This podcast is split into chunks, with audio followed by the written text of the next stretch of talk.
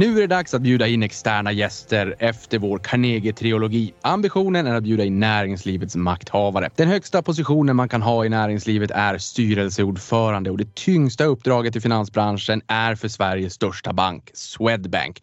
Mätt i kunder och med legalt säte i Sverige får man väl tillägga då. Om vi för en stund lämnar kapitalet och blickar mot andra sidan båten så hittar vi staten. Det mest intressanta uppdraget kopplat till näringslivet är väl kanske som näringsminister. Få personer har nog haft någon av de här rollerna. Dagens gäst har haft båda. Dessutom är han norrlänning och har tackat nej till att bli statsminister vid två tillfällen. Med det sagt så känns det väldigt roligt att du är vår första externa gäst, Anders Sundström. Varmt välkommen till podden! Tack för det! Riktigt kul att ha det här. Som man skulle ha sagt på Pete Mall, det här blir bra. Vi börjar från början. Vem är Anders? Anders är en grabb som eh, har levt, vuxit upp i Norrbotten. Framförallt i Piteå men också en kortare period i en liten by i Kalix som heter Siknäs. Eh, pluggat i Umeå. Eh, mm, började, läste, läste samhällsvetenskap. Eh, politiskt engagerad, intresserad, tillhör 68 generationen. Eh, blev engagerad i politiken som väldigt ung. Eh, blev invald som Sveriges yngsta kommunalråd 1979. Då jag var 27 år så blev jag kommunalråd i min hemkommun Piteå. Det var jag i 15 år. Eh, efter det så blev jag statsråd eh, hos Ingvar Carlsson och sen Göran Persson. Från det blev jag bankdirektör och jag blev försäkringsdirektör och jag blev styrelseordförande i ett antal, bank, i ett antal företag. Och samtidigt så hade jag en familj uppe i Piteå med två pojkar eh, och en fru. Och de eh, levde jag med tills jag och Elinor skilde oss för snart tio år sedan. Eh, och då flyttade jag permanent till Stockholm. Jag pendlade i 20 år i olika uppdrag i Stockholm. Men så numera bor jag där men jag återvänder också väldigt mycket till Norrbotten där jag har många engagemang och där jag har kvar fädernesgården i denna lilla by Siknäs. Ja, och det kommer vi komma in mer på. Som du säger, du har ju skrivit en bok som vi kommer komma in på. Men det finns ju ställen där hjärtat klappar lite extra och det är ju Siknäs en bit från Kalix. Vi kommer att komma in på det. Nu bor du i Stockholm och du har ju också hunnit med väldigt, väldigt mycket får man säga. Idag är du ju styrelseordförande i Skistar, Kaunis Holding, Ekhaga Utveckling AB och styrelseledamot i Europas största privata skogsägare SCA då. Tidigare ordförande i Swedbank, KF och VD på Folksam, men du har ju också, precis som du var in på, haft en politisk karriär som kommunalråd för Socialdemokraterna i Piteå, arbetsmarknads och näringsminister för att nämna några saker.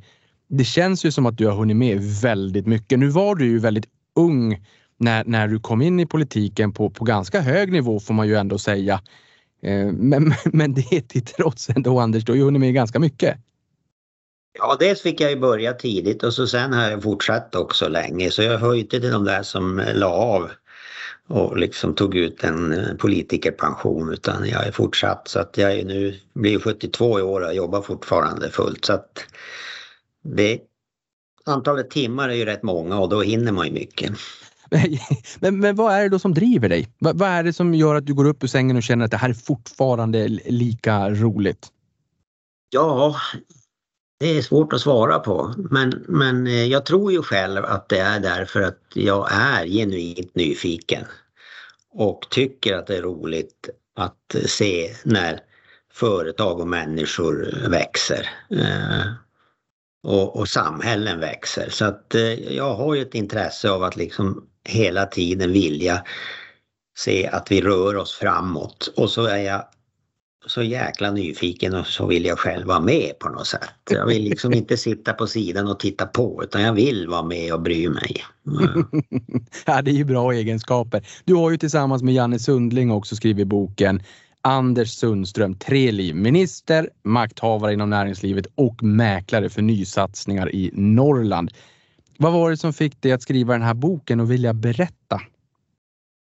Ja, jag hade ju egentligen bestämt mig att jag aldrig skulle skriva någon sån här bok. Eh, men, men eh, då var det så att eh, jag fick en fråga från Bonniers förlag om att ska du ändå inte skriva någonting? Och då började jag tänka på det. Och sen när jag pratade med dem på Bonniers förlag så hade de väldiga synpunkter om vad jag skulle skriva om och hur mycket privat och ja, vika ut sig och sådär. Och det är ju inte riktigt min grej så att då bestämde jag att ja, men jag har ju råd att skriva den själv. Jag behöver inte anlita Bonnier så att eh, då bestämde jag att jag skulle skriva om några händelser skulle jag vilja säga. Så det är ingen vanlig memoarbok utan jag ska skriva om några händelser som jag tror har lite mer allmän eh, betydelse. Jag har skrivit en hel del om 90-talskrisen, jag har skrivit om hur det är att leda en kommun. Jag har skrivit en del om finanskrisen och stora händelser där jag varit inblandad. Företagsrekonstruktioner som jag har varit med om. Ja, du har ju varit med om mycket och det kommer vi komma in på i avsnittet. En kuriosa här för protokollet också. Det är ju att du har en eh, kusin som spelar i Bo Kaspers orkester, Bo Sundström. Så att när jag eh, satte ihop den här agendan så ackompanjerade jag dig med, med lite Bo Kaspers också. och förutom, förutom dem då, vad, vad gäller du för musik då? Måste jag ju ändå fråga på, på eh, nu då. Ja, men jag tycker ju väldigt mycket om Bo. Alltså jag gillar ju det här svensk jazz och svensk eh, populärmusik och ja, även amerikansk populärmusik. Så att jag är ju en jag är ju ganska traditionell inom det, inom, i det gebitet skulle jag vilja säga. Men Bosse, är ju, Bosse kommer ju från en familj där både mamma och pappa var musikaliska och hans bröder och även en del av mina bröder eftersom vi har levt tillsammans. Dock icke jag, men, mm. men en del av mina yngre bröder.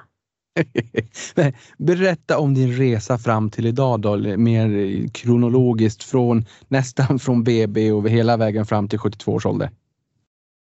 Jag är född i Hudiksvall. Pappa var tullare, kustuppsyningsman som det hette på den tiden. Så att, eh, han var ju, hade ingen fast stationering så att vi bodde på sådana här lastageplatser efter Norrlandskusten från Furusund till Seskarö i Haparanda skärgård.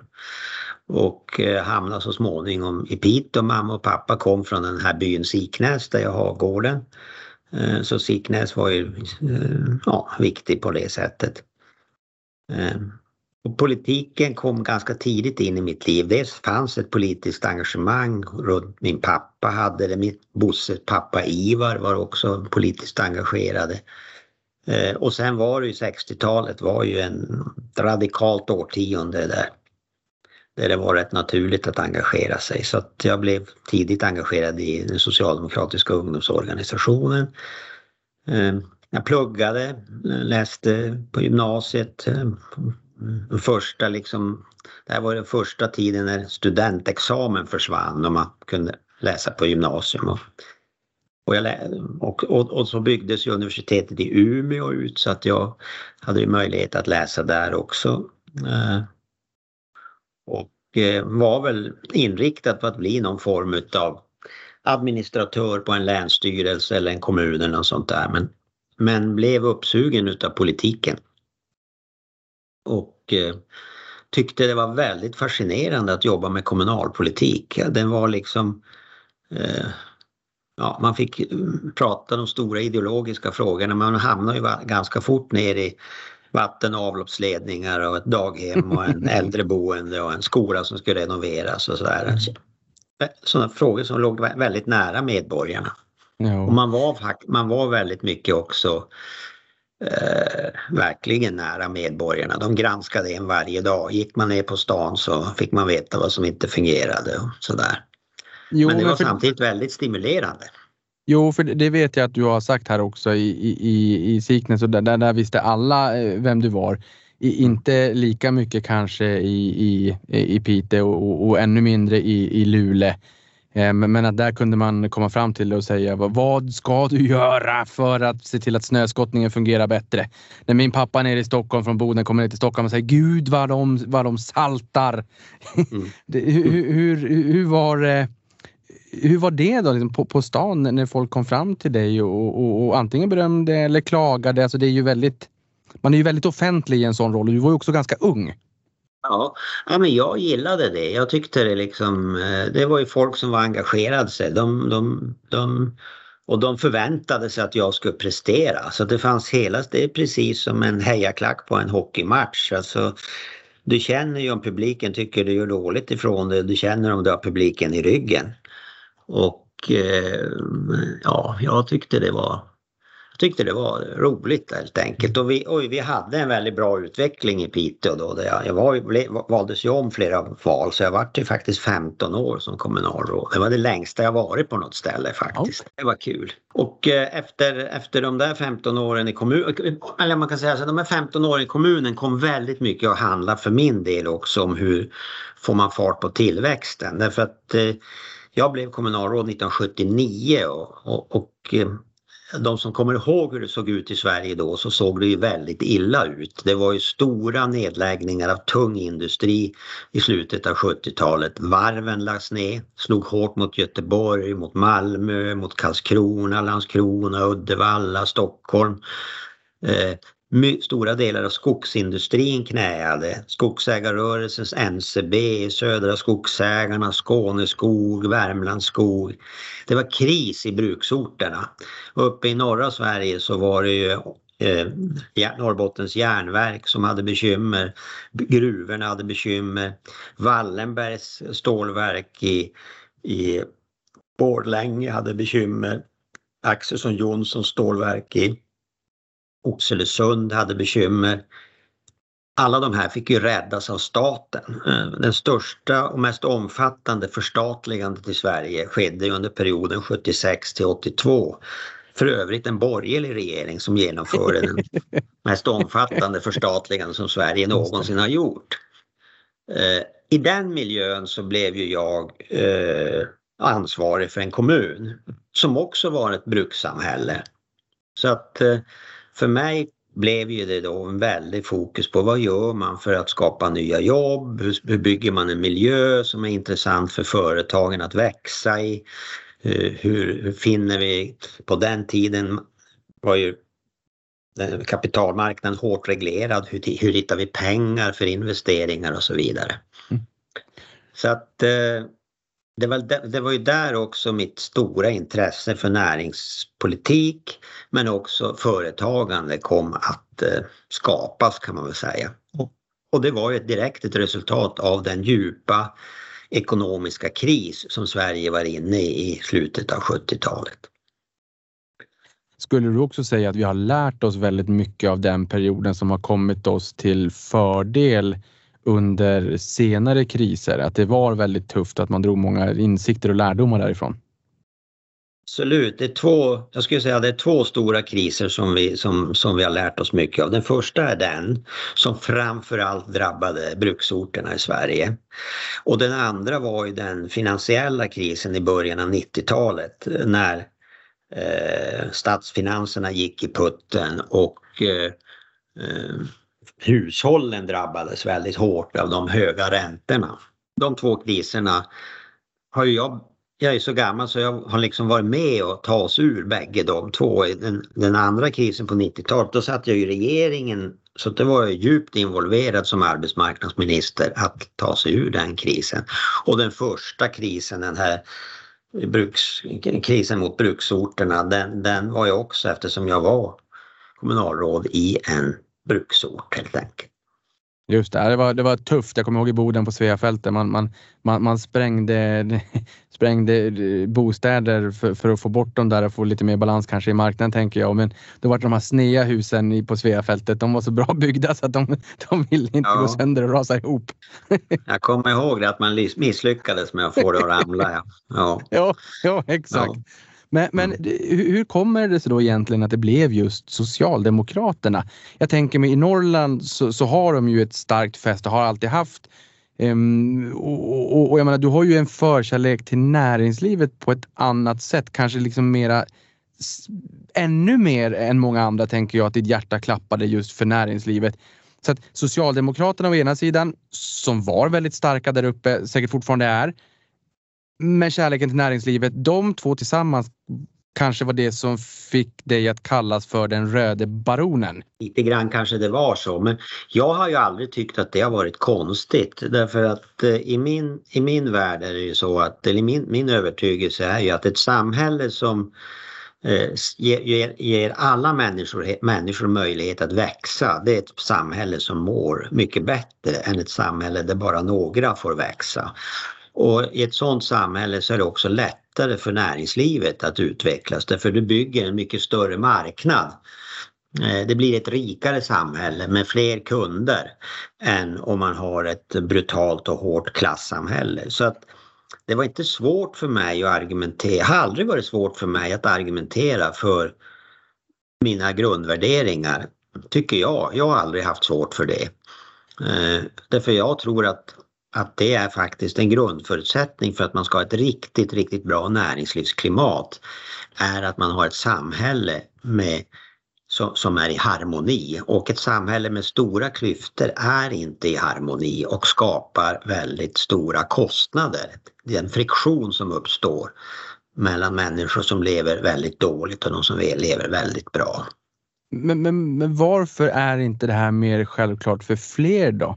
För jag tänker att just det jag tror att många far här efter är att om, om man ligger nära näringslivet och, och, tycker att det är intressant och man, man liksom vill lyfta det för att också lyfta orten så att säga så känns det som att många tänker mer åt det borgerliga hållet. Men det här borde ju vara självklart. Det är ju inte, det är ju inte staten som skapar väl, välfärd. Det är ju faktiskt ändå företagen, tänker jag. I mångt och mycket. Och företagen och medborgarna. Man ska ja. komma ihåg att det krävs ju också en arbetsam befolkning som tycker om att gå i skolan och lära sig läxor och sen gillar att kliva upp på morgonen och arbeta hårt och, och så. Så, att, så att det är naturligtvis väldigt mycket i grunden vilket värderingar som präglar samhället. Ja, jag skulle vilja säga så här. Historiskt har det varit så att eh, Eh, och är ju fortfarande så att de flesta företagare röstar ju borgerligt. Men det där håller på att förändras faktiskt. Och man ser det om man tittar ut i världen så ser man ju att eh, den här urbana befolkningen i de storstäderna i Europa och storstäderna i USA de blir ju mer och mer vänster. Och, eh, och landsorten befolkning blir mer och mer höger. Och tydligast syns det ju nu i valrörelsen i USA med Biden och storstäderna och Trump och landsbygden i, i, liksom väldigt tydligt. Så att det där håller på att förändras. Och jag tror att varför det var så här historiskt en gång i tiden det var ju att man trodde att kakans storlek var konstant och det var en match mellan arbete och kapital och den var mm. lika stor. Och hur mycket ska kapitalet ha, hur mycket ska arbetet ha? Och var man då företagare och kapitalägare så ville man ju ha det, eller arbetarna ha det. Men vi har ju blivit mycket smartare och mycket mer begåvade och vi vet ju att kakan är inte konstant utan kakan växer. Och, och då gäller det liksom skapa en, en miljö där den här växande kakan också kommer många till del kakan växer. Vad tycker du då? För du har ju också varit näringsminister. Vad tycker du att vi härifrån kan göra för att stärka konkurrenskraften globalt för Sverige? För att få den här kakan, om vi tänker om den totala adresserbara marknaden. Vi vill käka lite marknadsandelar från, från andra länder och få vara med och spela och, och exportera ännu mer där ute i vida världen. Jag, jag, jag, tror ju som vanligt att det är liksom de här grundläggande frågorna som är viktiga. En fungerande rättsstat, Eh, en väldigt bra utbildning, eh, en bra infrastruktur, eh, rejäla forskningsresurser. Den typen av frågor är så att säga, det helt grundläggande. Och sen en, en makroekonomi som fungerar, alltså att vi, att vi har ordning på offentliga finanser, att vi har effektivitet i offentlig förvaltning. Och, och med det menar jag att pengarna verkligen används på ett effektivt sätt. Eh, så att, och jag tror också att en grundförutsättning för att ha en bra, en bra utveckling är att man har en, en, en stabil välfärdsstat. Mm. Om jag tar ett exempel från välfärdsstaten så, så är ju sjukvården ett ganska bra exempel på det. Alltså länder som inte har en allmän och generell sjukvård eh, utan de har en privat sjukvård som omfattar två tredjedelar, den brukar i sådana länder omfatta två tredjedelar av befolkningen.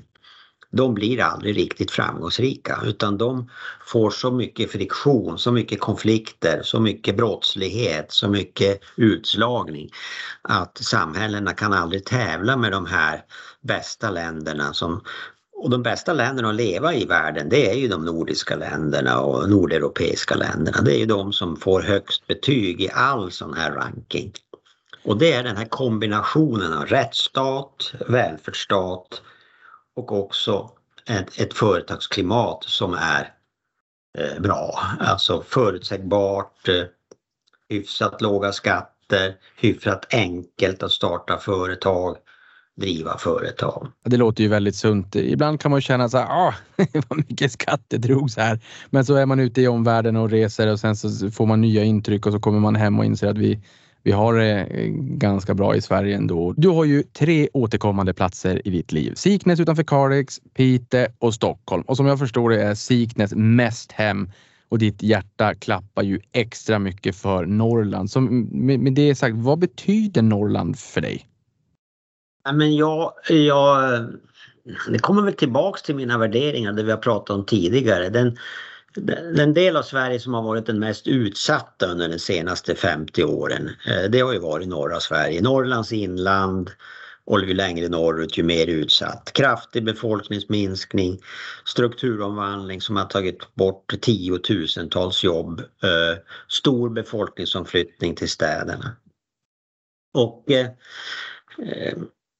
jag kommer ju från den där miljön och, och, och det är klart att eh, när jag, ju mer tid jag fått, ju äldre jag blivit så har jag kunnat ägna lite mer tid åt också att använda den kunskap och de nätverk jag har skaffat mig för att på något sätt eh, betala tillbaks kan man väl säga. Det är väl så det har börjat. Sen, sen har ju samtidigt som den tanken kommit så har ju också den här gröna omställningen gjort att den här, det man nu kallar nyindustrialiseringen utav Sverige tagit först fart i norra Sverige. På samma sätt som det gjorde för 150 år sedan när vi lärde oss att tämja vattenkraften och få över elektricitet från norra Sverige till södra Sverige och allt det där. Så att, eh, Men Småland var, var före oss i, i, i Norrland, Norrbotten? Norra Sverige var ju sist när det gäller industrialiseringen. Men det var eh, så, så man kan säga det började i Västergötland, Skåne, Småland och så vidare och kom så småningom upp till norra Sverige. Men det som satte, det, det var ändå så att den snabbast växande delen av Sverige mellan ja, efter 19, runt 1900 och några årtionden framåt, det var norra Sverige och det var ju därför att några orsaker, vattenkraftsutbyggnaden, eh, den tekniska förmågan att transportera el på långa sträckor som ju ASEA utvecklade och blev världsledande på. Och, och, det var ju därför att man behövde flytta el från Porjus ner till Mellansverige. Och, och sen var det ju också att plötsligt blev skogen värd någonting. Skogen var ju, användes ju som bränsle egentligen fram till vi började såga bräder och göra pappersmassa och det var ju slutet av 1800-talet, början av 1900-talet. Så det var ju långt senare än industri, industrialiseringen av Småland. Eh, men det var en väldigt framgångsrik period som sen då led, kom in i en ny fas när eh, framförallt när motor, jag är född samma år som motorsågen. Motorsågen kom till 1952. och då, den tog ju bort tiotusentals jobb. Och då började ju avfolkningen av norra Sverige. Så fram till 50-talet kraftig tillväxt. Efter 50-talet kraftig befolkningsutflyttning. Men du, du Siknäs utanför Kalix, jag Boden. Om vi åker västerut och så hamnar vi i Norge eh, ungefär lika högt upp. Där är det ju mycket mera drag. Hur kommer det sig? Det fick jag lära mig i din bok. Ja, alltså de har ju alltid haft en bättre regionalpolitik i Norge än i Sverige.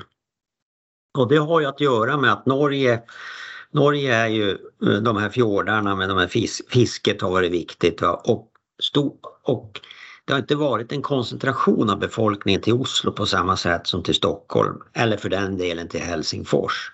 Så att det har alltid funnits en stark politisk ådra i Norge att se till att man utvecklar hela landet. Det har inte varit lika starkt i Sverige. Just det. Siknäs har vi pratat om. Det är mest hem för dig, en liten by med 100 invånare tre mil väster om Kalix. Där har du 275 hektar skog, vilket är bra mer än de 75 hektar som fanns när du köpte ut dina farbröder. Gården har dessutom funnits i släkten sedan 1650. Det var inte igår. Det är väldigt lång tid. Imponerande. I Sverige har vi 311 000 privata skogsägare och ett snittinnehav på 34 hektar som kuriosa. Och med tanke på att du sitter i styrelsen för SCA, då Europas största privata skogsägare, så säger min manliga intuition att du har ett intresse för det här med skog. Absolut. Eh, jag, är jätteintresserad utav hela den här, man kan säga intresserad av råvaruindustrin. Och skog har jag jobbat med ganska länge. Jag satt i tio år i Domänverkets styrelse innan det blev Sveaskog och sådär på, alltså på 80-talet. Jag blev invald där i styrelsen, jag tror att det var 1982. Så det är ju ganska länge sedan. Men, men eh, det var en spännande period. Eh, där ju, som ju då, som i antal hektar till och med var större än SCA men i, i, det var ju på marker som hade sämre bonitet eller sämre tillväxt. Eh, och jag har suttit i Älvsbyhus styrelse som har tillverkat eh, hus och i Domänverket hade vi mycket, många sågverk och sådär. Så att ja, skog har alltid intresserat mig, ja. Kul, så boniteten där, det, det växer lite saktare i norra Sverige men kanske bättre kvalitet och lite snabbare i södra Sverige? Ungefär, ja. ja. På tal om SCA så nyligen attackerades ju bolaget av eh, blankarfirman Viceroy Research och sen Ningi hakade på. Är det här någonting som du kan kommentera i, i någon form?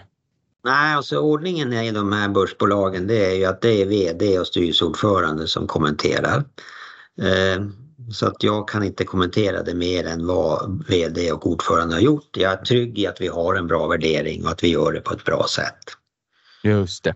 Din bana inom politiken började ju som ung, det var du in på som 24-åring 76, alltså 1976 kom du in som ledamot i kommunstyrelsen i Pite och sen sa du att du var 27, hade inte hunnit fylla riktigt 28 där, kom du in som Sveriges, eller en i alla fall av Sveriges yngsta kommunalråd i, i, i Pite.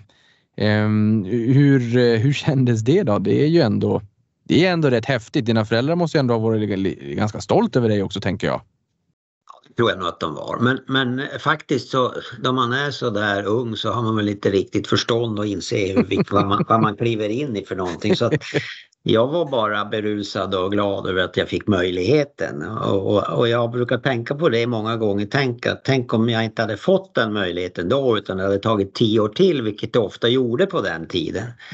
Mm. Eh, då hade jag ju naturligtvis tappat tio år eh, som jag nu kunde använda till att lära mig. För man lärde sig väldigt mycket. Det att få den här möjligheten i unga år att ta ett stort ansvar. Eh, det, det ska man inte underskatta. Det är, en, det är en enorm möjlighet faktiskt. Och det brukar jag alltid tänka när de säger att ja, men den är så ung eller så brukar jag tänka ja, men den är ju inte så ung utan det här är väl jättebra att den får möjlighet att kliva in nu. Och, och, det kan naturligtvis gå åt fanders men, men eh, det, bäst, det, det, det, man är helt säker på är att de lär sig en massa saker. Och de här människorna som ger sig in i svåra uppdrag i tidiga år de kommer i regel ut och kommer att hinna göra mycket innan, innan yrkeslivet är slut. Så att, Ja, men det där, det där är verkligen eh, bra input. Ett, ett väldigt, väldigt tänkvärt medskick. Jag vet när Melker Schörling gick ur tiden så skrev DI om det här som bondsonen som gick från 0 till 60 miljarder och skapade enorma värden för Sverige i termer av bolag, arbetstillfällen, sysselsättning så. Ehm, så att, och han har också varit vän av det här att ge unga personer väldigt mycket ansvar i tidig ålder och låta de här blomma ut. Då. Lite grann som Ola Rolén som vi kommer få höra här i podden också som var en sån här depp som, som fick mycket ansvar och, och blommade ut. Så det, det, det värmer verkligen att du säger det och jag tänker att det, det, känns som att det ligger väldigt mycket i det. Det, det är en väldigt fin människosyn. Ja, men Melker Schörling lärde jag ju känna under mitt liv. Och, och, det, var, det var ju en fantastisk person faktiskt. Och, och, han hade just den där förmågan att hitta duktiga människor som fick chansen att eh, springa själv helt enkelt. För han, han släppte ju på tömmarna och sa nu, nu kör ni. Och, mm. och, och, får man det förtroendet så, så, så, är det ju också, känner man ju på axeln, här har jag fått ett enormt förtroende, nu måste jag leva upp till det. Och, och då, då tror jag också att man jobbar hårdare faktiskt. Ja. Du var ju ordförande i partidistriktet i Norrbotten och en eh, växande stridsfråga i slutet på 90-talet var vart sjukhuset i Norrbotten skulle placeras. Boden eller Luleå? Lösningen blev mittemellan i Sunderbyn, men på Luleås sida gränsen. I, du skriver i din bok att i många år var det närmast skottpengar på dig i Boden.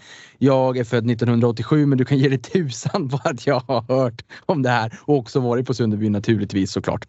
Det, det låter som att frågan var väldigt, väldigt infekterad. Det här är lite egoist, egoistiskt men som bodensare så måste jag ändå bara fråga när jag har, har det med i podden. Ja, det är en väldigt infekterad fråga. Du, man kan ju titta runt i landet, alltså de här sjukhus, eh, sjukhusstrukturerna leder ju till enormt uppslitande konflikter. Norrbotten är ett relativt litet län med mindre än 250 000 invånare och vi hade vid den tidpunkten så hade vi sex stycken lasarett i Norrbotten på 250 000 invånare. Och det förstår ju varje person egentligen att det, det, det har man inte råd att hålla sig med sex sjukhus på en sån liten befolkning och man har inte heller kompetens för att bedriva all verksamhet på sex sjukhus.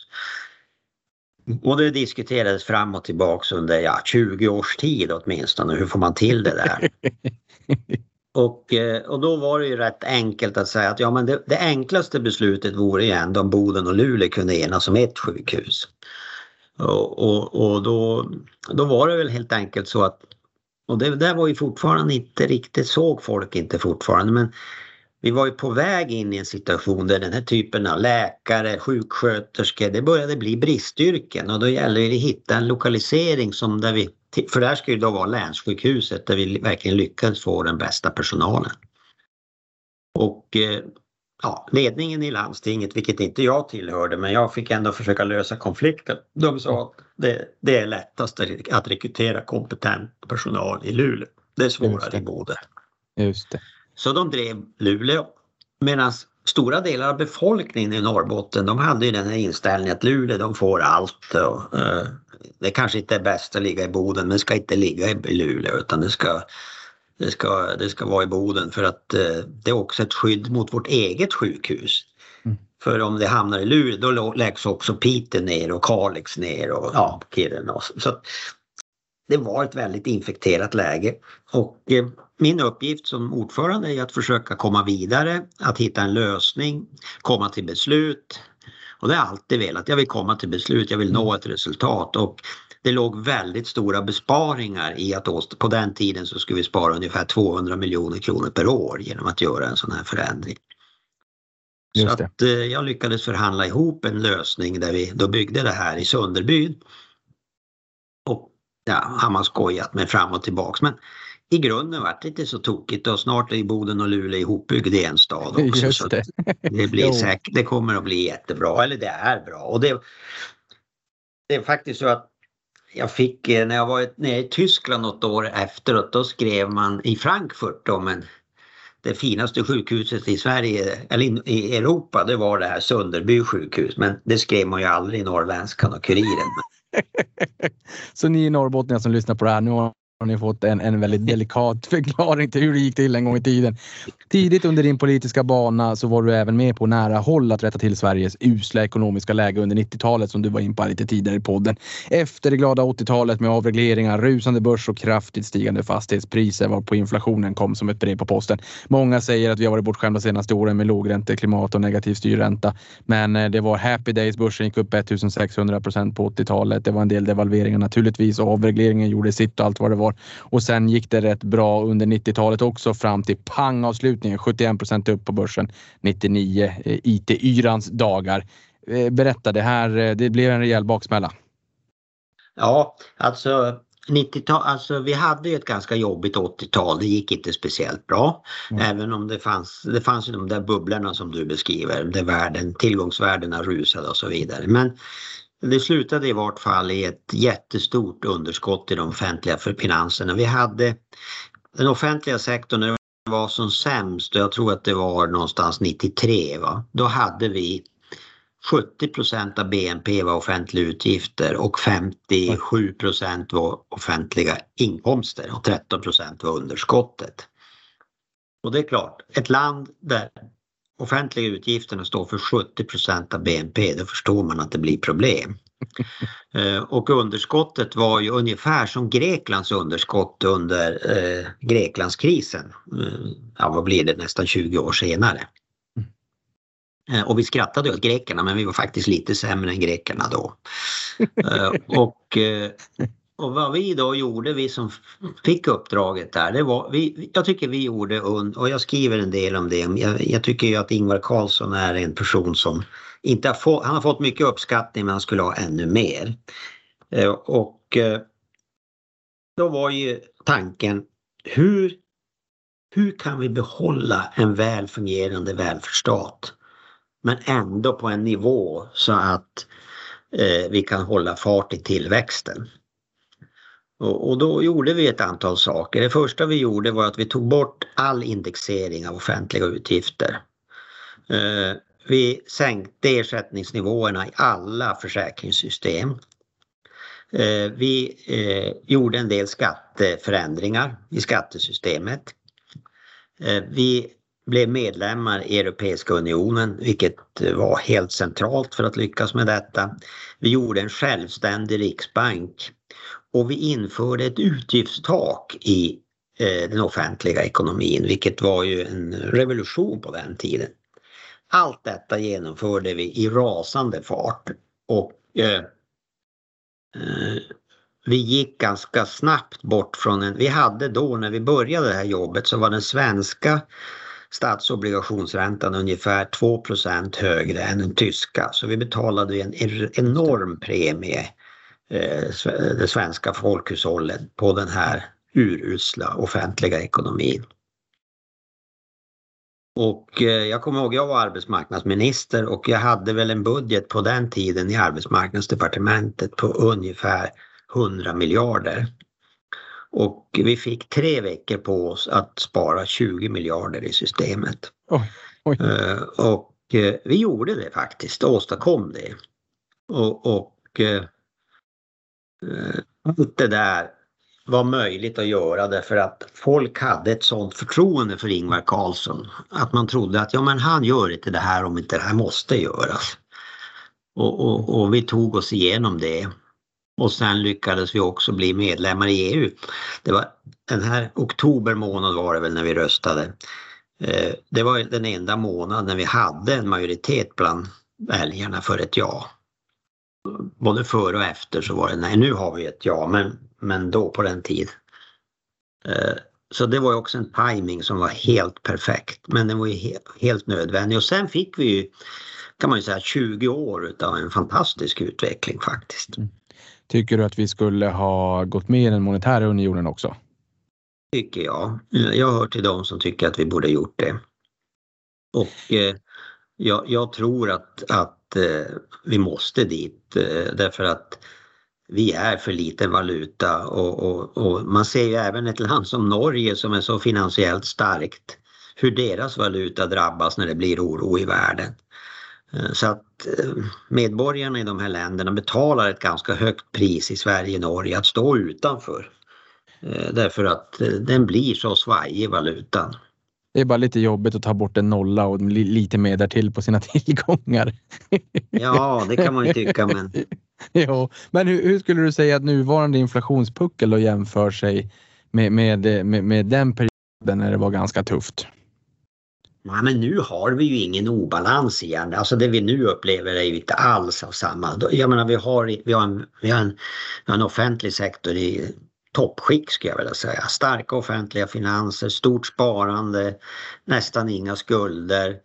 Vi har hög sysselsättning. Vi har fortsatt eh, bra eh, Även om vi har haft en reallönetapp i fjol verkar vi verkar redan i år kunna få en, en viss reallöneökning. Eh, den internationella ekonomin tuffar på trots krig och elände.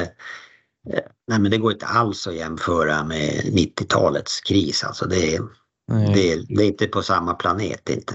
Skönt att höra. De eh, första åtstramande åtgärderna när man behövde få bukt med, med ekonomin i slutet på 80 början på 90 Eh, där, där kom det ett, ett, antal åtgärder 89 då med tvångssparande för företag och privatpersoner och i februari 1990 föreslog regeringen två års frysta löner, frysta priser, frysta utdelningar och skärpt lagstiftning mot strejker. Det här var ju rätt långtgående och skapade också en regeringskris. Men jag tänker mig idag för de som lyssnar på det här som inte var med då. Det, det, det kunde vara rätt, rätt hårt på den tiden också.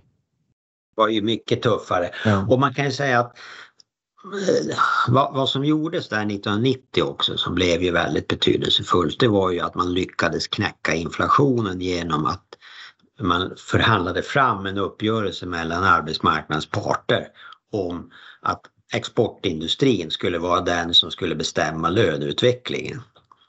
Och, och det har ju hållit sedan dess faktiskt och det är ju, det är ju nu ja det är ju eh, 35 år sedan snart när vi införde det systemet. Och, och, och, det var ju också enormt smärtsamt när det gjordes. Eh, och det gjorde ju eh, det, gjorde ju, det var också Ingvar som var inblandad i detta men också Allan Larsson gjorde ett historiskt jobb där när han lyckades eh, förhandla ihop det med parterna. Ja. Håll i dig, nu kommer en liten monolog här. Men hösten 93 blev du Socialdemokraternas talesperson i näringslivspolitiska frågor. Där väckte du snabbt en del uppseende genom att säga att löntagarfonderna varit en felsatsning och ett misslyckande och att frågan skapat en avgrundsdjup klyfta mellan partiet och näringslivet. Jag har boken Löntagarfonder så nära men ändå inte hemma på skrivbordet. Och jag har också samlat en del DI-artiklar från 1970-talet. Eh, Deras digitala arkiv börjar 1976 då, eh, på det här ämnet med Rudolf Meidner, eller Meidner. Vad är hans korrekta namn? Rudolf Meidner, ja. Mm. Rudolf Meidner. Han satt i LO-borgen och smed planer. I skrift kunde han enligt boken ibland visa en inre glöd av marxistisk övertygelse och har liknat personligt ägande vid en pistol riktad mot arbetarrörelsens tinning. LOs förslag var att 20 procent av företagens vinster skulle placeras i löntagarfonder via riktade fondemissioner. Då. Ett sätt att transferera ägande från bolagen till arbetarna. Meidner förklarade förslaget som ett direkt angrepp mot kapitalägarnas makt. Det här tyckte du, Anders, var dåligt. Alltså det var ju fel redan från början, men det var ju någon slags hysteri. Man ska ju komma ihåg att det inte var Socialdemokraterna som drev den frågan utan även det nuvarande Liberalerna, alltså Folkpartiet, ville ju också införa någon form av löntagarfonder av, sam av samma karaktär. Mm. Och, och, det var väl i tangenten, riks, tangentens riktning från 60-talet och, och, och där gick vi väl många fel. Eh, att liksom 60-talet så hade vi byggt en mycket starkare välfärdsstat än man hade på 50-talet så trodde man att det där kunde fortsätta hur länge som helst. Och sen när man till slut då baxade igenom löntagarfonderna så var den ju ganska tandlös egentligen. Och då, då kan man säga varför ta strid för någonting som egentligen var, det var ett tvångssparande egentligen som sen skulle läggas i Eh, någon form av investeringsfonder som ju inte alls gick att politiskt styra heller. Så, så för socialdemokratin blev ju detta ett jättejobb. Dels så blev det en intern debatt om ett förstatligande som vi egentligen aldrig hade velat ha. Det, jag menar, man ska ju komma ihåg att Sverige var ju var ju före 70-talet, under hela liksom efterkrigstiden så var ju Sverige ett av de länder i Europa som hade minst sta, minsta statliga företagssektorn. Okay. Så att det fanns egentligen inget, inget, sånt, inget sånt DNA i den svenska socialdemokratin. Så det, det var ju ett misstag att överhuvudtaget börja prata om de, om, om de frågorna. Eh, och att sen då driva igenom ett förslag som inte heller hade egentligen inte heller hade den effekten att det skulle leda till ett övertagande. Eh, men, men hela, för, hela näringslivet uppfattade det som så det gjorde det ju ännu mer märkligt så att det kan man väl säga att det var, det, vi får väl tacka borgerligheten att de avskaffade det för då slapp ju vi ha, leva med det under så lång tid faktiskt. Ja men skattefondssparandet och sen allemansfonderna var ju ändå någonting som ändå fick in många människor på fondsparande och som har gjort mycket gott därefter och även premiepensionen. Inte minst jag själv hittade till, till, till börsen och insåg där uppe i Boden som ung eh, grabb eh, vid 16 års ålder att här, vad är det här? Kan, kan jag sätta pengar i arbete och låta pengarna jobba för mig? Så att, så att både allemansfonder och, och premiepensioner så hade har nog ändå gjort att en del ändå fått upp ögonen för långsiktigt sparande på börsen och få sitta med i, i båten så att säga. V vad tror du hade hänt om löntagarfonderna faktiskt hade genomförts? För när jag läser den här boken så tänker jag att Meidner, han kanske aldrig ens trodde att det här skulle gå igenom. Men Nej, men då, hade hans förslag genomförts då hade, ju, då hade ju det blivit helt galet naturligtvis. Nej, men, men det var väl bra att det inte blev så. Och eh, eh Däremot kan man säga att det här, det här kollektiva sparandet som kom med premiepensionerna, det hade ju det goda med sig, förutom att du kunde placera pengar som du själv mm. ville, att det kollektiva sparandet ökade och därmed förbättrades möjligheten för löntagarna att få en bättre pension. Mm. Så att det var ju en kompromiss mellan arbete och kapital när det är som bäst. Okej, okay, vi accepterar att ni arbetare får lite mer avsatt till pension men vi villkorar det till att ni kan inte hantera det som löntagarfonden utan ni får hantera det som var och en som individ. Så det för, för, för och det var ju en, en, det var en fight även det. Det, det. det var inte så att borgerligheten tyckte att man skulle lägga premiepensionen på den avsättningen på arbetsgivaravgifterna för, för ATP utan de tyckte det skulle vara en del utav det men kompromissen blev att man eh, gjorde både och så att säga. Ja. Och idag kan man väl säga att vi borde faktiskt sätta av ännu mer till pensionerna. Just. 94 fick du frågan om att bli arbetsmarknadsminister fast egentligen om, om jag förstår boken rätt så ville du bli eh, näringsminister. Hur, hur, kände, hur kändes det att sätta sig i regeringen? Det var eh, och det var utmanande, det var rätt eh, pirrigt faktiskt skulle jag vilja säga. Jag hade ju, jag hade gjort, först gjort, just då på hösten 94, gjort ett fantastiskt kommunalval i Piteå. Vi hade fått 68 procent av väljarna som röstade på Socialdemokraterna. Det var det bästa valet i Sverige i ett kommunalval. Eh, så att vi hade fått två tredjedels majoritet så att det var ju väldigt roligt det. Och så samtidigt så ringer Ingvar Carlsson och säger ska du inte komma in i regeringen? Och eh, eh, jag kände mig rätt trygg i den där kommunalrådsrollen. Jag hade ju arbetat in mig men nu klev jag in i någonting som för mig var ganska okänt och jag hade ju förberett mig för en fråga som näringsminister men jag hade inte förberett mig för en fråga som arbetsmarknadsminister. Mm. Och samtidigt stod vi inför den här enormt stora förändringen i offentlig sektor som bland annat innehöll att för första gången någonsin genomföra sänkning av ersättningar i arbetslöshetsförsäkringen. Så att mm. jag kom med ett ganska dåligt skyddsnät med ganska dåligt påläst till Stockholm där jag inte var del utav eh, ja, den här eh, lilla världen av journalister och politiska skribenter mm. och skulle hantera en väldigt svår fråga. Så det var en, tycker jag, en ganska jobbig och tuff period. Ja, och som komiker här också som du nämner i boken, Ronny Eriksson som sa eh, alla klagar på Sundström, men han har ju inte gjort något. Det tyckte jag var väldigt elakt. Men, men, ja. men en, en, annan tuff händelse som, som, du delar med av i boken, det var ju en intervju i SVT Aktuellt där du chansade lite grovt på en fråga och blev totalt mosad med slutkommentaren. Han kanske måste återvända till Norrland. Men varje gång det stormade så, så, kände du ändå att statsminister Ingvar Carlsson fanns där och du kände hans stöd. Och någon gång när man hade krävt din avgång så ringde han och sa du ska veta att du har mitt fullständiga förtroende. Hur, hur viktigt var det här för dig? Jag tror att det, är väldigt, det var väldigt viktigt för mig och jag tror att det är väldigt viktigt för alla och jag tyckte att det var en viktig mm, sak att förmedla om hur ledars, bra ledarskap ser, ser ut. Alltså en, en, en duktig ledare eh, finns där när det är svårt och eh, en duktig ledare låter också en själv ta sig igenom en kris. Eh, för kliver man för långt fram som ledare och liksom eh, tar över, då, då försvagas den som behöver styrka. Så han gjorde det på ett, eh, för mig, väldigt förtjänstfullt sätt. För intrycket var ändå att jag själv tog mig igenom svåra perioder och skapade därmed också en större respekt hos andra. Så att Eh, Eh, jag tycker det finns mycket att lära i hur Ingvar hanterade det där och det var därför jag förmedlat det där budskapet för jag tycker att det är så lärorikt. Jag, hopp, jag vill själv jobba så, alltså när jag ser någon runt om mig som har det jobbigt då ska man liksom jag finns där men, men du ska själv ta dig igenom men jag finns där. Kloka ord. Det är skillnad på en eh, chef och en, en, en ledare. Nyligen så såg vi ju också Skistars VD Stefan Sjöstrand som jag poddar med ett antal gånger, som jag tycker är väldigt trevlig.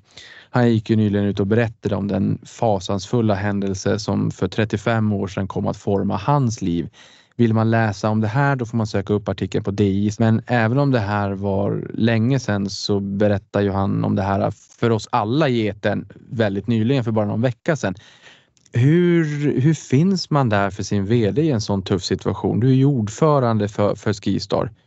Ja, men ledarskap är väl likadant, höll jag på att säga, i, oavsett vilket uppdrag man har. Men, men en VD är ju väldigt ensam och väldigt utlämnad får man ju säga. Det är väl det är ju min bild i vart fall. Man har, man har en styrelse som egentligen har två viktiga uppgifter. Det är avskeda och rekrytera verkställande direktörer och det gör ju bara det bygger ju en viss distans där, mellan de två.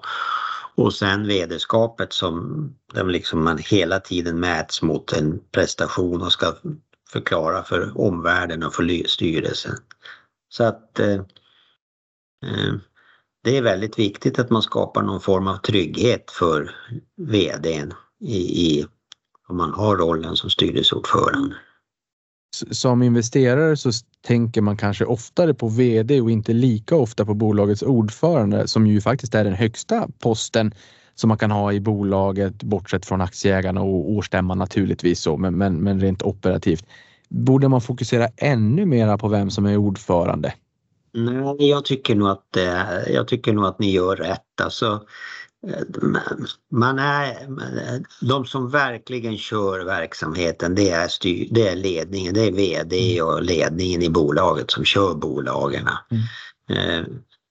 Eh, styrelsen är inte oväsentlig, det är inte så jag menar men ledningen är det viktigaste. Hur ser du på relationen mellan VD och ordförande då? Alltså jag tänker på eh, risken att ordförande kan bli en överrock i negativ bemärkelse, att man blir lite för mycket operativt arbetande styrelseordförande. Det där tänker jag är en ganska delikat balansgång och det är ju personberoende också hur man är såklart. Mm. Nej men det är absolut och, och, och, och, det är ju väldigt viktigt att man inte blir för då tar man ju av, då tar man ju bort en del utav initiativet. Eh, så att eh, Eh, och det där, det där lär man sig nog och jag kan väl säga att när jag gick från VD till ordförande så hade jag nog eh, Ja, där var jag nog lite för nära VD-arna. Mm. Så att det, det är väl en, en sak att tänka på att när du, när du, när du byter från, från VD till ordförande då, då måste du släppa mer på tyglarna och låta VD sköta jobbet. Ja, och blomma ut. 96 mm. blev du näringsminister, den, den posten som du verkligen eh, ville ha va? Mm. Ja, det var jätteroligt för det, jag, jag gillade ju det. Och, och, varför jag inte blev det 94 var egentligen att jag var väldigt tveksam. För då, den, då var tanken att man skulle ha alltså energi, avregleringen av elmarknaden också. Och jag var på den tiden väldigt skeptisk till en avreglerad elmarknad. Jag tyckte att den var väldigt Mm, stel. Jag hade svårt att tro att det verkligen skulle fungera. Eh, och eh, det gjorde väl att Ingvar tyckte att ja, men jag vill gärna, han ville gärna genomföra den där avregleringen och då tyckte han väl att jag kanske inte var Ja, då, då skulle inte jag göra det med glöd och engagemang och det var säkert rätt så att därför blev jag arbetsmarknadsminister. Men 96 så var ju det gjort och då och så blev ju det blev en ny då blev ju Göran Persson också den som tillsatte mig som, som näringsminister. Mm. En konflikt som har seglat upp den senaste tiden, det är ju lite grann den svenska modellen och konflikten mellan LO, fackförbunden å ena sidan och Tesla å andra sidan. Jag utgår ifrån att du har följt det här medialt. Vad är dina tankar kring det här? Jag, jag, tycker det är väldigt märkligt agerande av Tesla faktiskt. Alltså vi har ju i Sverige en, en modell som, som har varit och är väldigt framgångsrik som både fack och arbetsgivare står bakom faktiskt. Och det är ju att vi vill ha kollektivavtal istället för lag. Och, och eh, jag är ganska säker på att om vi skulle få lag istället för kollektivavtal i länder av vår karaktär där ändå politiken är ganska stark, där, eh, där, där känslan för en välfärdsstat sitter väldigt starkt. Så, så tror jag att den skulle för företagen bli en sämre lösning än ett kollektivavtal. Och det är väl också därför som näringslivets organisationer argumenterar för kollektivavtalet.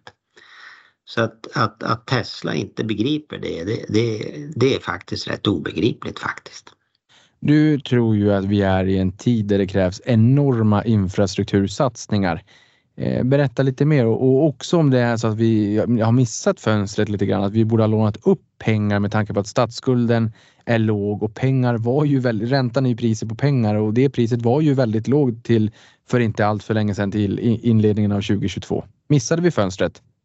Ja, det gjorde vi. Det är fortfarande, priset på, på pengar är fortfarande väldigt lågt och eh, det finns väldigt gott om pengar. Så, så det en, en stark stat som Sverige eh, med starka offentliga finanser kan låna väldigt billigt. Eh, så, så det är inte bekymret. Men däremot är behovet av infrastruktur enormt stort. Dels handlar det om ett eftersatt underhåll.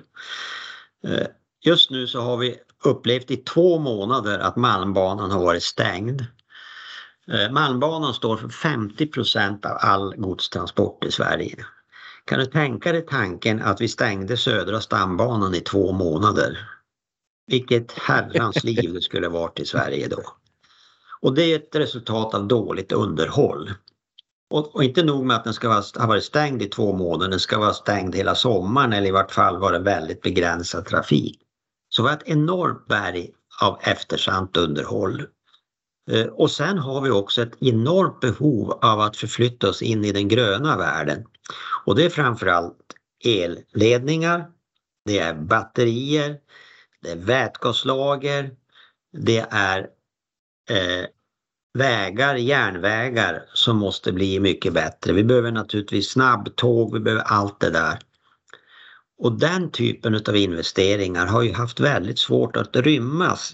Eh, därför att för politiken så är naturligtvis investeringar i a-kassa, sjukförsäkring och sånt där, det liksom ger ju resultat direkt. Men det här ger ju inget resultat på 10 år, inte på 15 år, inte kanske på 20 eller 30 år. Och jag menar att det är enormt viktigt att vi äntligen kommer till skott och tar tag i det eftersatta underhållet och bygger en grön infrastruktur eh, och att vi gör det nu. Vad tycker du att du lyckades bäst med då under din tid inom politiken och vilka frågor grämer dig mest från, från den tiden? Jag tycker att jag fick vara med om den här stora förändringen med un, un, un, början av 90-talet när vi växlade bort inflationen, när vi fick kontroll på offentliga utgifter, när vi blev medlemmar i EU och när vi fick en mycket bättre fungerande rättsstat. Det, det tycker jag är det, det, roliga som jag fick vara med om. Eh, när det sen gäller vad, vad, som, vad som vi inte lyckades med då kan man väl säga. Eh, då, då är det väl framförallt den här som vi när jag pratar om infrastrukturen, alltså att få en balans mellan offentliga investeringar och offentlig konsumtion. Eh, jag tycker fortfarande att den offentliga investeringen är för små i förhållande till vår ekonomi eh, och eh, offentlig konsumtion har en obehaglig förmåga att tränga undan offentliga investeringar. Och i offentliga investeringar räknar jag inte bara investeringar i, i hård, hård, hårda saker som vägar och järnvägar utan det räknar jag också forskning för forskning är också en del utav investeringarna som mm. offentlig sektor gör. 98 lämnade du ju uppdraget som socialminister efter blott 20 dagar. Göran Persson var förbannad eh, och istället valde du att anta utmaningen som VD för Pitedalens Sparbank. Hur, hur kändes det? Det var ju ändå ett beslut att då lämna politiken och, och mer gå in mot näringslivet då. Det var väl med blandade känslor jag lämnade ju politiken därför att jag kände att jag inte riktigt hade det stöd som jag tyckte att jag skulle ha utav Göran. Och eh, jag kände att liksom mm, det här känns inget bra. Jag, jag, känner inte att han står upp för mig om det blåser till och att då liksom stå där och bara vänta på att bli utsparkad, det känns inget bra. Så att eh, jag lämnade lite grann i vredesmod får man väl säga. Samtidigt kan man väl säga att när jag väl då bestämde mig för att lämna och den här möjligheten erbjöds mig då, då kände jag ju att ja, men det här blir ju någonting, någonting helt annat, mycket mindre värd. Det är liksom inte de stora penseldragen utan det är ner i, ner i grottan och, och grotta. Eh, mm. Men ska bli väldigt, väldigt roligt att göra det. Så att jag gick in för det med liv och lust och det, det blev också en jätterolig resa. Ja, och då fick ju din dåvarande fru Elinor och dina söner då, Jonas var då 15 och David var då 18, se mer av dig hemma vid också. Och det här med, med balans i livet, det ska man ju inte underskatta och jag kan tänka mig i, i de rollerna som du har haft att det har inte alltid varit så enkelt. Ja, nej naturligtvis.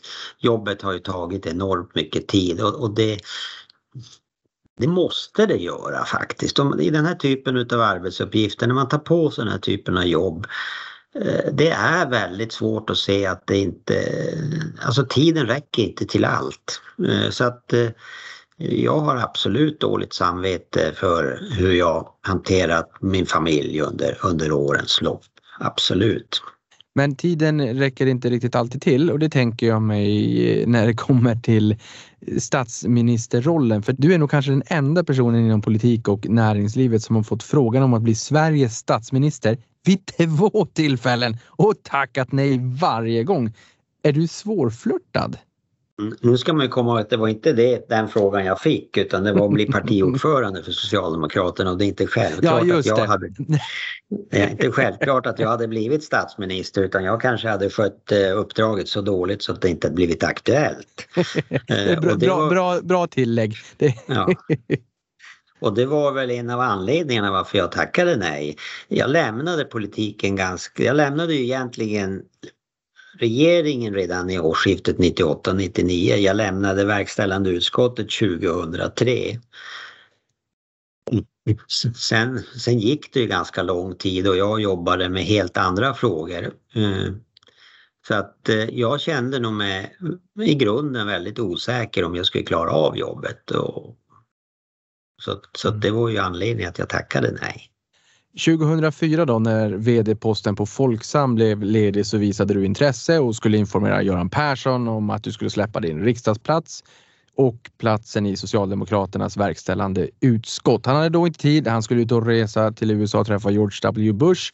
Men när han kom hem sa han eh, citat. Du kan gärna ta det där jobbet. Det är ett riktigt skitjobb. Slutcitat.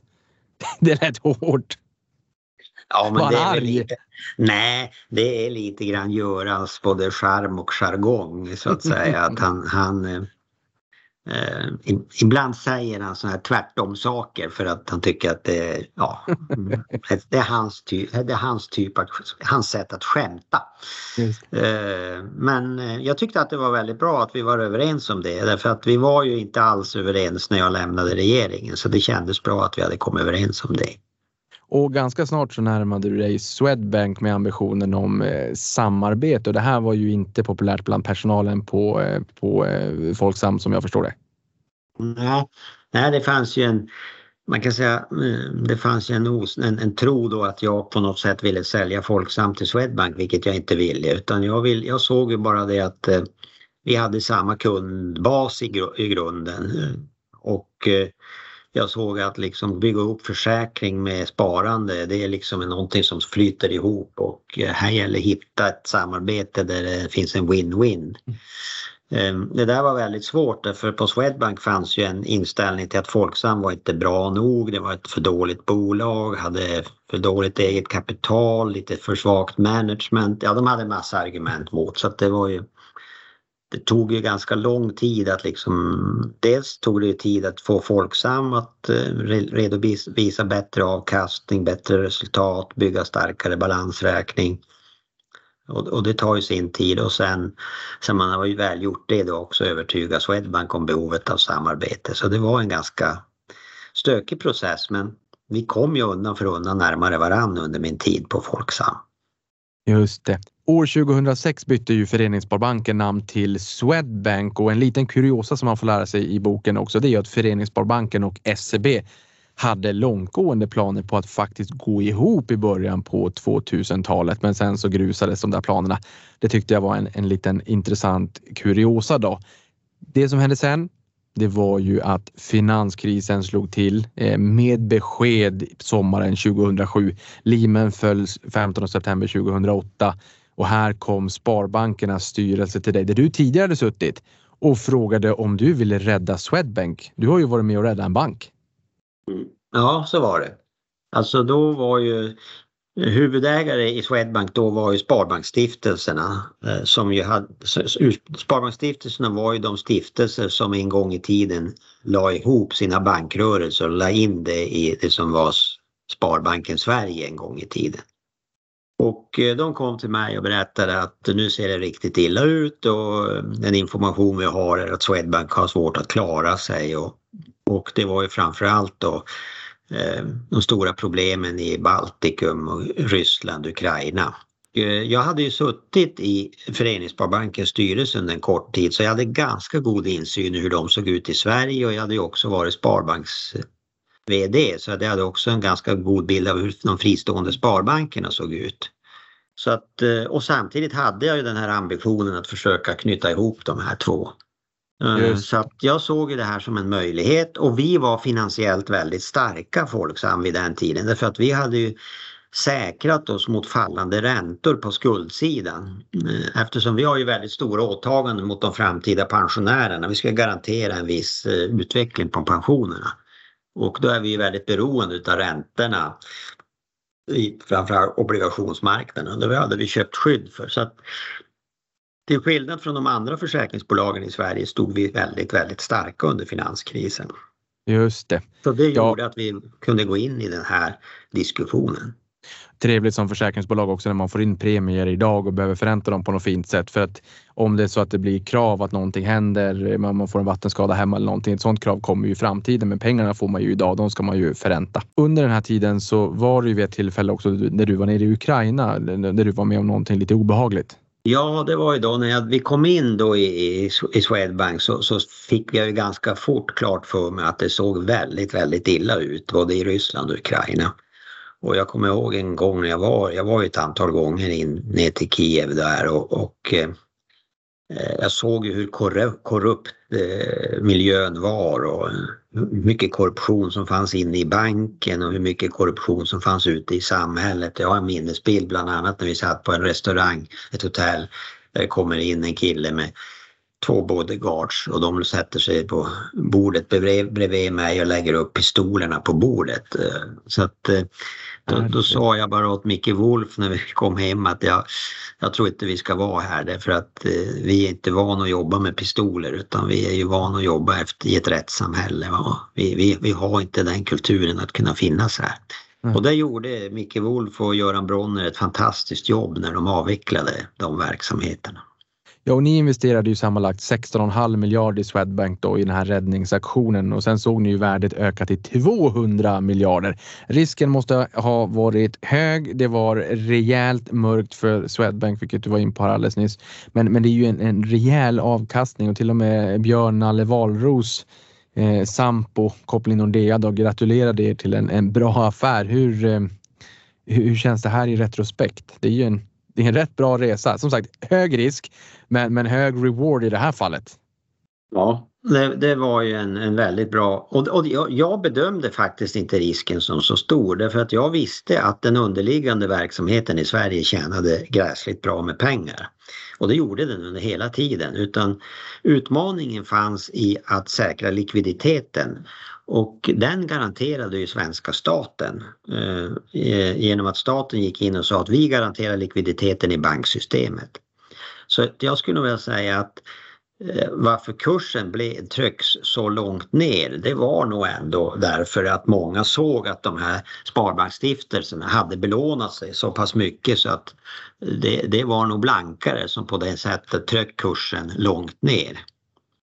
Eh, och det gjorde, för, gjorde att vi då, de, vi blev den stora vinnaren eftersom vi då kunde ta över aktierna från Sparbanksstiftelserna mm. när, när kurserna trycks ner. Och inför stämman 2009, här ska vi komma ihåg finanskrisen, det var ju tufft för bankerna. Eh, naturligtvis, den inleddes ju 13 juli 2007 och sen under 473 dagar så såg vi ju börsen Eh, falla 58 procent till 27 oktober 2008 och i USA vände det 2009. Och inför stämman 2009 då hade det redan vänt i Sverige då. Eh, och då var ju Folksam största ägare och där kom du in i styrelsen och sedermera blev du styrelseordförande 2013. Körde på i tre år och sen vart du petad. G ganska eh, dramatiskt ändå. Eller? Ja, ja det var det. Det var det det var ju lite oväntat att jag skulle drabbas på det sättet. Jag tyckte ju att vi hade gjort ett fantastiskt jobb. Men sånt är livet. Ja, för efter tre år som arbetande styrelseordförande i Swedbank så på stämman 5 april 2016, den var välbevakad och din sambo Anna Hallberg, hon hade köpt en läcker slips på NK dagen innan. Eh, du tyckte den var snygg eh, och du, du, skriver i boken att ska man få sparken så ska man vara snygg och proper. Det var den dyraste slipsen du någonsin hade haft och i boken då får man se en bild också på den här snygga pangblå slipsen som du hade, eh, hade då. Hur, eh, hur kändes det att ha ett sånt massivt drev emot dig? Man, man är ju inte mer än människa. Och, och, och som du också sa, det kändes ju faktiskt som att vi hade gjort ett väldigt bra jobb. Ja, nej men det var jobbigt. Det var absolut jobbigt att liksom varje dag läsa i tidningarna och följa mediadrevet. Det var det absolut, var det tufft. Eh, men eh, jag kan säga så att för mig, för mig var det ändå inte jag tror att det hade varit mycket värre om jag hade känt att jag hade gjort ett dåligt jobb. Eh, om jag hade gjort någonting, det här vart ju riktigt, riktigt fel. Här, här förlorade metallarbetarna i Folksams pensioner en massa pengar eller här gör jag i politiken något så jag skadar medborgarna. Men, men jag kände ju aldrig det i det här fallet utan det här kände jag, det här är ju bara det här är ju bara att det gäng människor som vill sparka ut mig och de har säkert lite olika motiv. Dels finns det journalister som känner att det luktar blod och så finns mm. det de som tycker att den där röde, social, röde baronen eller den, den socialdemokraten som är framgångsrik företagare, han, han är farlig, han vill vi ta med att göra. Vi vill inte ha en sån världsbild att det finns sådana. Så det fanns det var nog en förening av lite olika åsikter som lyckades med det. Och, ja. Och efter att du hade blivit petad här så kände du dig trött och tom. Eh, föga förvånande. Det känns mm. ju rätt mänskligt att känna så. För, för det, som du sa, det var ett, ett väldigt rejält eh, drev och man är inte mer än människa. Sen hittade du ett nytt kall. Du vill använda ditt nätverk från politiken och näringslivet för att stötta företag som vill göra något nytt som du också tror kan bidra till ett bättre samhälle. Här etablerar du dig som Mr Norrland och den som näringslivstoppar stämmer av med innan de investerar där uppe och som du själv investerar och möjligtvis tillsammans med dem. Och du har också sagt att det förmodligen fanns en entreprenöriell ådra i dig hela tiden men som inte riktigt fick chansen att blomma ut när du var i politiken. Och ett bra exempel på det här det är ju Kaunis Iron där du är styrelseordförande. För Northland Resources, där kom man från USA 2007 och sa det här kommer bli pangbra. Eh, 2014 gick man i konkurs. Sen lade du ner tusentals timmar för att återupprätta malmgruvan i Kaunisvaara. Du fick ihop 540 miljoner tillsammans med investmentbanken Carnegie där de till sina kunder skrev citat. Det är inget noterat bolag. Det är hög risk. Om du riskerar att ruinera dig på din insats ska du inte vara med och du måste satsa minst 5 miljoner berätta. Det, det känns som att här kommer ju din entreprenöriella ådra fram. Och du har skrivit i boken citat att rädda gruvor. Det är faktiskt lite roligt. Slutcitat. Ja, det är faktiskt roligt. För jag har ju varit med om det en gång förut i Boliden. Boliden, just det. Ja. Men, men eh, när det gäller Kauni så hade jag faktiskt, jag hade ju en, en, historia i Boliden. Jag satt ju nästan tio år i Bolidens styrelse. Jag var med om rekonstruktionen och flytten från Toronto hem till Sverige. Men Carl Benett var med också? Och Carl Bennett var med också ja. Och eh, det, här, det här var liksom det här kändes ju smärtsamt för att alla kalkyler som fanns i, när Northland gick i konkurs var ju att, att eh, Northland skulle leva väldigt gott på ett järnmalmspris på runt 100 dollar. Eh, och kunde man då också rensa balansräkningen så skulle man nog kunna leva ganska gott på 80 dollar. Eh, och man hade ju faktiskt ändå producerat så man hade ju faktiskt en historia där man kunde visa på att det var den här järnmalmskvaliteten. Men alla var livrädda för att det här var Sveriges största konkurs. Ingen ville ta i det med tång. Och samtidigt så fanns ju här en enorm möjlighet. Här hade plötsligt ner 10 miljarder. Och det fanns ett enormt omfattande dokumentation om i vilket skick bolaget var. Och jag var arbetslös. Så att jag tyckte att det här kändes väldigt riktigt att ge sig in i det här och försöka se om det här gick att få till. Och eh, det var inte lätt. Det, det, tog ju väldigt lång tid innan vi hittade investerare och det tog väldigt lång tid att förhandla sig ur de gamla obligationsägarna. För obligationsägarna satt ju med pant i fastigheten i Pajala. Okay. Så det, det, tog ju nästan två års tid att förhandla sig ur det och där hade vi ju tur i den meningen att järnmalmspriset var jättedåligt. Så obligationsägarna såg ju ingen möjlighet att det här skulle gå att starta upp. Så vi kunde ju pressa dem till för oss en riktigt bra uppgörelse. Vi, vi köpte ju alltihop kan man säga för ungefär 100 miljoner som hade kostat 10 miljarder. Och varför det, varför det var möjligt det var ju därför att järnmalmsprisen var ju nere på 40 dollar per ton. Vilket ju inte var uthålligt. Det, det förstod ju alla som håller på med gruvor att, att järnmalmspriset måste vara högre än 40 dollar över tid. Mm. Och vi sa ju att vi startar inte det här förrän priset börjar gå upp och priset började ticka upp då 2017, 2018, eh, 2019.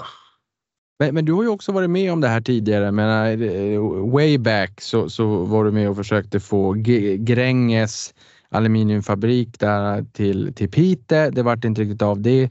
Du var också med när Northvolt hittade sitt läge i Skellefteå att bygga fabriken. Och vi har ju sett den här gröna industrialiseringsvågen med liksom det största som har hänt sedan 1850 säger man ju eh, i mångt och mycket med industrialisering. Det ska hända väldigt mycket i, i Norrland. Här har vi Northvolt, SSABs Hybrid, H2 Green Steel i Boden. Um, och Peter Karlsson är, är, en sån person på, på Northvolt som är, är ute i media mycket och som satsar mycket. Harald Mix med H2 Green Steel är en annan. Kinnevik är med på det där. Uh, men politiken då? Politiken är inte alls med. Eh, utan eh, man kan säga att det är ju det som är rätt intressant. Hela den här gröna omställningen som nu fortgår den sker ju utan egentligen några initiativ från politiken utan snarare lägger politiken krokben. Alltså vi har tillståndsprövningar som tar lång tid. Vi har regleringar när det gäller vindkraften som gör det svårt att komma vidare för att få fram elförsörjning. Vi har alldeles för låga investeringsnivåer i elnätet för att få fram effekt och så vidare. Utan det här drivs helt och hållet av entreprenörer.